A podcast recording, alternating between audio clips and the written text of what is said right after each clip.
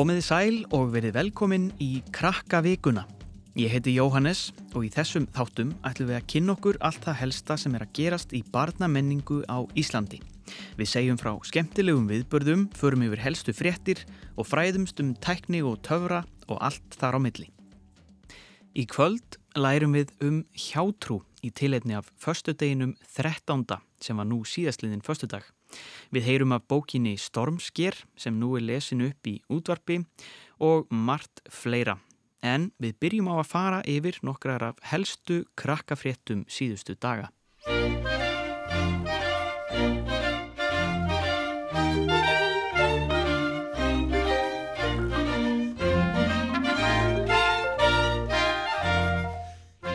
Sagan Maximus Musicus fer á fjöll eftir tónlistakonuna og reytöfundin Hallfríði Ólafstóttur er tilnemd til alþjóðlegu verðlununa Yama Award í flokki bestu hljómsveitarverka fyrir unga áhorvendur.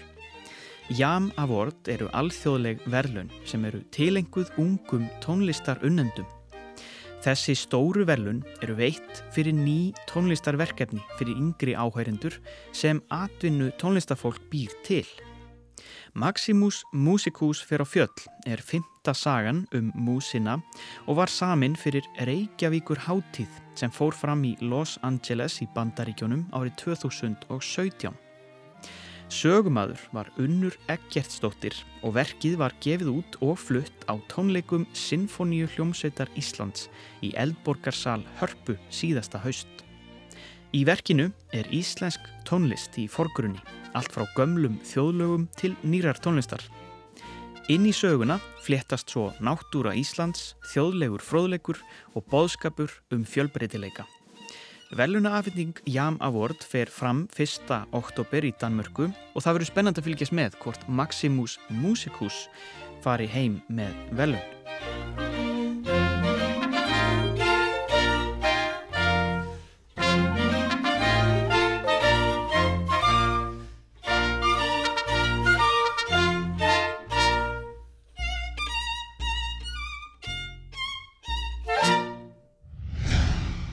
Mynd af erlendum ferðamanni á Íslandi vakti mikla aðtikli á samfélagsmiðlum í síðustu viku.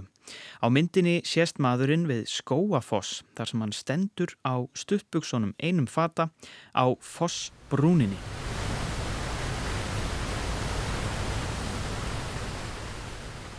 Skóafoss er um 25 metra breyður og rúmlega 60 metra hár. Til samanburðar er Hallgrímskirkja í Reykjavík rúmlega 74 metrar. Það er engin skildi sem vara fólk sérstaklega við að fara úti í fossin. Hann er samt afgýrtur og viðvörunarskildi eru víða þar sem stendur að fólk eigi ekki að ganga á gróðurinnum í kring. Það er erfitt að koma alveg í vekk fyrir að fólk brjóti reglur við ferðamannastadi á Íslandi en sem betur fyrr gerist það sjaldan.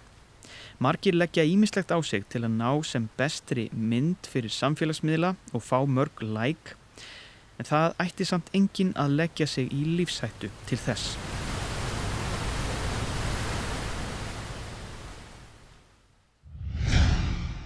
Í byrjun þessa mánadar kynnti Bjarni Benediktsson fjármála og efnahagsar á þeirra fjárlaugin svo kallu 2020.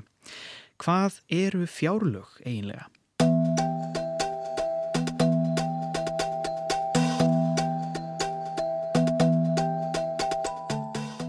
Fjárlög eru lög sem eru sett til að ákveða í hvað á að nota peningana sem koma í ríkisjóð.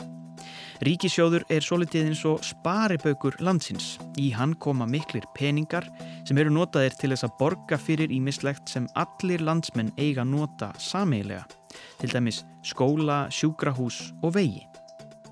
Stærsti hluti peningana sem koma í ríkisjóð fást með skatti sem allir Íslandingar borga. Skattur er til dæmis hluti af laununum okkar eða hluti af því sem við borgum fyrir vörur út í búð. Í fjárlaga frumarpi kemur fram hvernig ríkistjórnin vill að peningunum sé skipt niður á það sem þarf að nota þá í. Alþingismenn ræða svo frumarpið og svo þegar þeir hafa samþygt það verður það að lögum. Og með því að samþykja gefa þeir leifi fyrir því að peningarnir í ríkisjóði verði notaðir eins og ríkistjórnin stakk upp á. En hvað eru peningar nákvæmlega?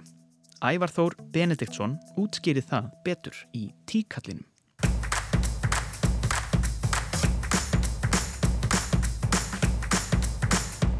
Í gamla daga var orðið peningur aðalega notað um hústýr eins og hesta og kindur og þá sama á við um orðið fjö. En þegar við tölum um peninga eða fjö í dag eigum við oftast nær við þetta. Sankant hagfræðinni eru peningar greiðslumiðil, mæli eining og verðmæta forði. Leifum mér að útskýra. Peningar eru mæli eining því við getum mælt hvers virði hlutir eru með þeim. Þessi appelsína er til dæmis svona 30 krónar virði og eh, þessi banani hérna er svona 48 krónar virði. Og síðast en ekki síst, þá má líta á peninga sem verðmæta forða. Þetta er stort og skrítið orð, leið mér útskýra. Í stað þess að eigða öllum peningunum okkar, þá getum við geimt þá í sparibauk eða á bankabók og sapnað fyrir einhverju.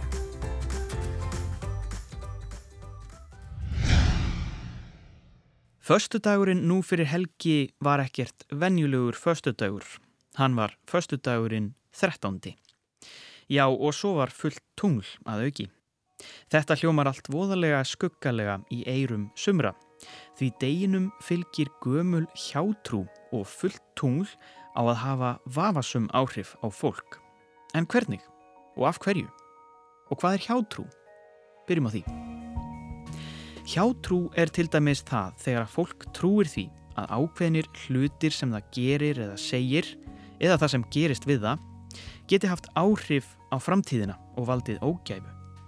Svo er önnur hjátrú sem á að bjarga þér frá ógæfunni eins og að banka þrísvar í tré og segja 7-9-13 þegar þú segir eitthvað sem þú vilt ekki að gerist. Til dæmis halda sumir að það valdi óhefni þegar svartur köttur gengur í vegfyrirmann. Eða ef maður gengur undir stega. Sjö ára ógæfa á að fylgja því ef maður brítur speil og svo mætti lengi telja. Það er ekki hægt að sanna neitt af þessu og margir segja að þetta sé bara allt saman bull. Svo er líka erfitt að vita fyrir víst hvernig flest af þessu byrjaði en auðveldara er að ímynda sér skýringu á sömu en öðru. Að trúa því að að bóði ógæfu að gangundir stiga gæti til dæmis hafa byrjað á því að oftast ef stíi er upp við hús er einhver uppi í steganum, til dæmis að mála og ef þú lappar undir ertu líklegri til að fá eitthvað á hausinn ef þú missir til dæmis málingadólluna. Segjum að það hafi gerst ítrekkað, þá geti það hafa búið til hjátrúna. Við vitum það ekki, en það er allavega ágetis ágiskun. Sumt fólk trúir því að tunglið hafi áhrif á okkur og þá sérstaklega þegar það er fullt. Því þá verður fólk pínu klikkað. Enska orðið lunatic þýðir klikkhaus og fyrri hluti orðsins luna þýðir tungl á latínu. Latína er fornt tungumál sem mjög mörg orð í ymsum tungumálum eiga rætur að rekja til. Tunglið hefur áhrif á náttúruna, til dæmis sjóin, hvort það er flóð eða fjara. Fólk sem trúi því að tunglið hafi áhrif á okkur segir að þar sem líkaminn okkar sé að stærstum hluta úr vatni, þá hafi tunglið alveg jafn mikil áhrif á okkur og sjóin. Einu sinni til þrísvar á ári lendir 13. dagur mánadar á föstudegi, eins og á föstudagin síðasta. Þegar það gerist eru margir hjátrúafullir eða hrættir og það tengist óttanum við töluna 13. Sumir eru svo hrættir þennan dag að þeir mæta ekki í vinnu eða skóla og margir get ekki hugsa sér að halda brúðkaup þennan dag. Í sumum borgum er 13. breðgötu sleft út af þessu. Á sumum hótelum og öðrum stórum byggingum er engin hæð mert nummer 13. Á eftir 12. hæð kemur einfallega svo 14. en hún er auðvitað samt teknilega 13. hæðin. Engin getur sagt til með vissu hvenar og hvers vegna menn hófuð að tengja töluna 13 og förstudag við óhefni, en trúin er enga síður mjög gömul. Sagan Stormskir, fólkið sem fangaði vindin, er nú til sem hljóðbók og er flutt vikulega á rás 1 á þriðjudagskvöldum. Stormsker er eftir Birki Blæ Ingólfsson og fyrir söguna fekk hann íslensku barnabóka velunin. Þau Vala Kristín Eiríksdóttir og Birkir sjálfur lásu söguna inn og þau komu til okkar og sögðu betur frá. Stormsker EHF hefur fundið leið til að framleiða tíma. Með því að reysa ótal syklutré á afskektri eigu er mögulegt að lengja sólaringin. Þegar austanvindur blæs í seglinn þrýstir krafturinn á móti snúningi jarðarinnar. Þá snýst jörðin hægar, dagarnir lengjast og þú græðir viðbótar klukkustundir. Eila datt mér þetta í hug sko í tveimur atrennum. Fyrst datt mér í hug þessi grunnhugmynd um að fanga vindin og það er sem sagt gert þannig að það er fyrirtæki sem heitir Stormsker EHF sem að reysir þúsund segl bara beint upp úr jörðinni. Og í þessi segl fangar fyrirtækið vindin sem að er venjulega bara, hann er vanur því að blása bara frjáls um. En núna festir þannig seglunum og ítir þegar hann blæs á móti snúningi jarðarinnar. Þannig að jörðin snýst hægar og þannig verða sólarhingarnir lengri og fyrirtæki getur selt mannfólkinu tíma. Hérna mér datt sem sagt í hug þessi saga fyrst og skrifaði sögu um þennan mann sem að uppgötra þessa tekni og verður ríkasti maður og valdamesti maður heimsins.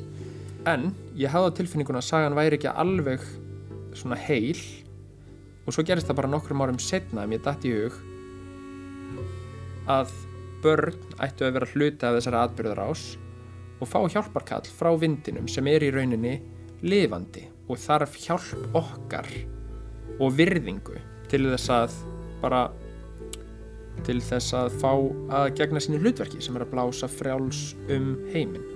Uh, Birkir las sögumannin og vonda fórstjóran Já. vonda, Já. má maður segja það E já, hann er svona Hann er svona, misjafn, hann er misjafn, já. hann er misjafn um, Hann er sennilega snillingur en kannski pínlítið vafasamur. já hinn vafa sama fórstjóra og ég leik alla hinna Já.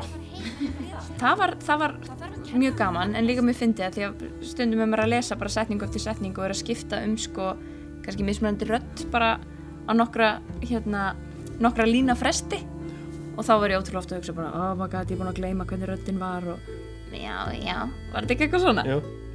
Já, ég heiti Súsanna ég heiti Súsanna og ég er gamla konan. Og ég heiti Opus. Ég heiti Má ég var þetta ekki, nú er ég feimin Svo er ykkur lauruglumenn sem voru ykkur svona. Já.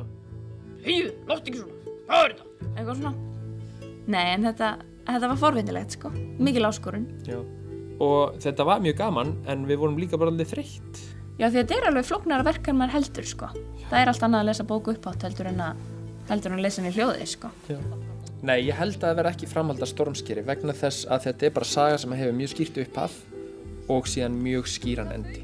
En kannski verður framhald af okkur að lesa einhverja bækur saman. Það kann aldrei að veita Ekki nema óbúslendi í einhverjum öðrum æfintýrum Gæti Já, það gerst? það geti gerst. Aldrei segja aldrei Aldrei að segja aldrei. Þannig að hver veit. Það er engin hægðarleikur að slá kólibrífugl. Þeir fljúa jafn hratt og elding og eru svo viðbræðsfljótir að það er furðu líkast. Óbus var farin að slá frá sér eins og vittlaus maður án þess að hitta fuglin nokkur tíma. Hann tók ekkert eftir gömlu konunni sem kom lappandi upp slóðan á mótunum.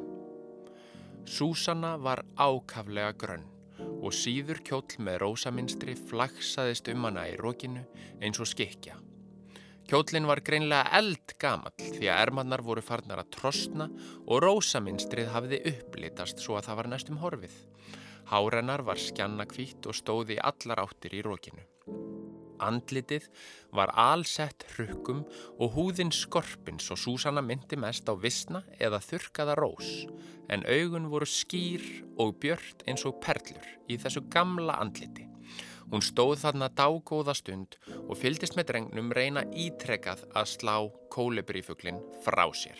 Karabía Kallaði hún að lokum og samstundist tók fuglin viðbragð, þaut eins og eldibrandur burt frá drengnum og settist á öxl konunar. Mest langaði Ópus að gufa upp og hverfa. Hann hafði óvart reynt að kýla fuglin hennar súsönnu og slíkt gat enginn lifað af, Hvað þykist þú vera að gera við fugglin minn, drengur? spurði Súsanna. Ekki neitt. Þú varst að reyna að berja hann. Ég ætlaði bara að fara heim en hann réðst á mig. Það þarf að kenna honum mannasiði. Súsanna gekk hægum skrefum í áttadrengnum og neldi hann fastan við jörðina með augnaráðinu einu saman. Af hverju þarf þú að kenna Karabíu mannasiði? Hún er fuggl. Er ekki nóg að hún kunni fugglasiði? Af því... Stamaði Ópus en komst ekki lengra því gráturinn lamaði tunguna og stíplaði hálsin. Tárin streymdu niður kinnarnar meðan hann reyndi að þylja upp útskýringar og byggjast afsökunar. Ég var bara að elda fugglinn til að koma fyririldinu til skila. Sagði hann og rétti fram nestisbóksið, en þá fyrst reyttist Súsanna fyrir alvöru. Björtu augunannar skutu gneistum og Ópus hjælt að hann myndi kapna af skjelvingu. Ert þú svo búin að stela fallegasta fyririldinu mínu í þokkabót, ófétið þitt? Æfti hún og hrifsaði nestisbóksið af stráknum. Nei! Ópus saup kveljur. Það fauk bara inn um gluggan minn. Ég sver það, plís ekki meiða mig. Um leið og drengurinn sagði þetta, gjör breyttist við mót gömlu konunar. Hún horfi stórum björtum augum á Ópus og undrunin skein úr andlitinu. Fauk það? Spurði hún látt eins og hún triðið í valla. Ópus kinkaði kolli. Hann botnaði hvorki upp nýja niður í súsanu. Var hún hægt að vera reið? Þetta er táknið, sagði hún stundarhátt og gæðist ofan í nestisbóksið þar sem fyririldið kúrði og myndi á stríðsmálað skrimsla andlit. Hvaða tákn?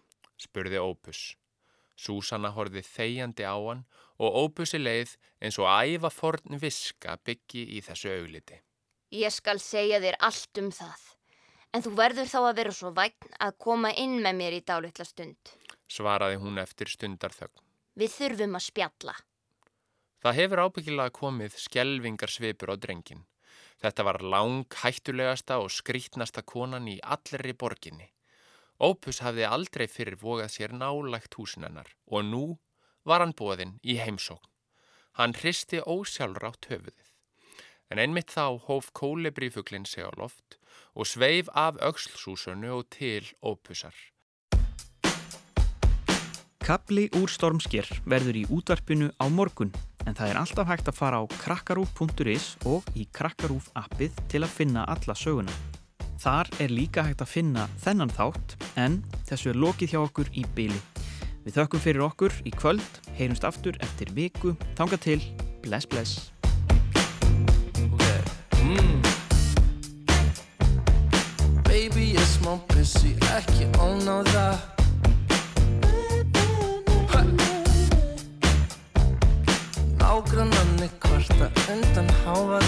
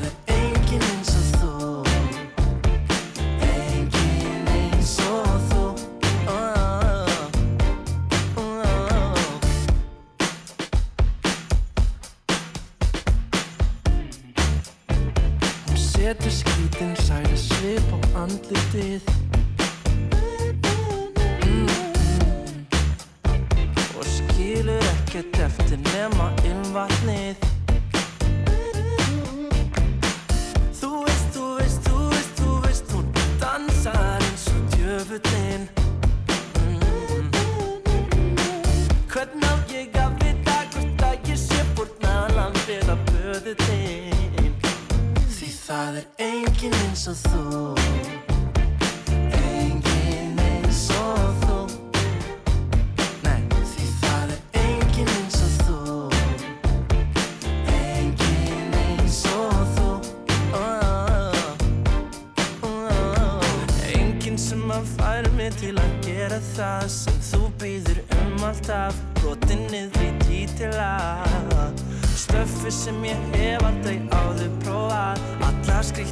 skrýtnu hlutina Þú veist ég ekki til í að Það er enginn eins og þú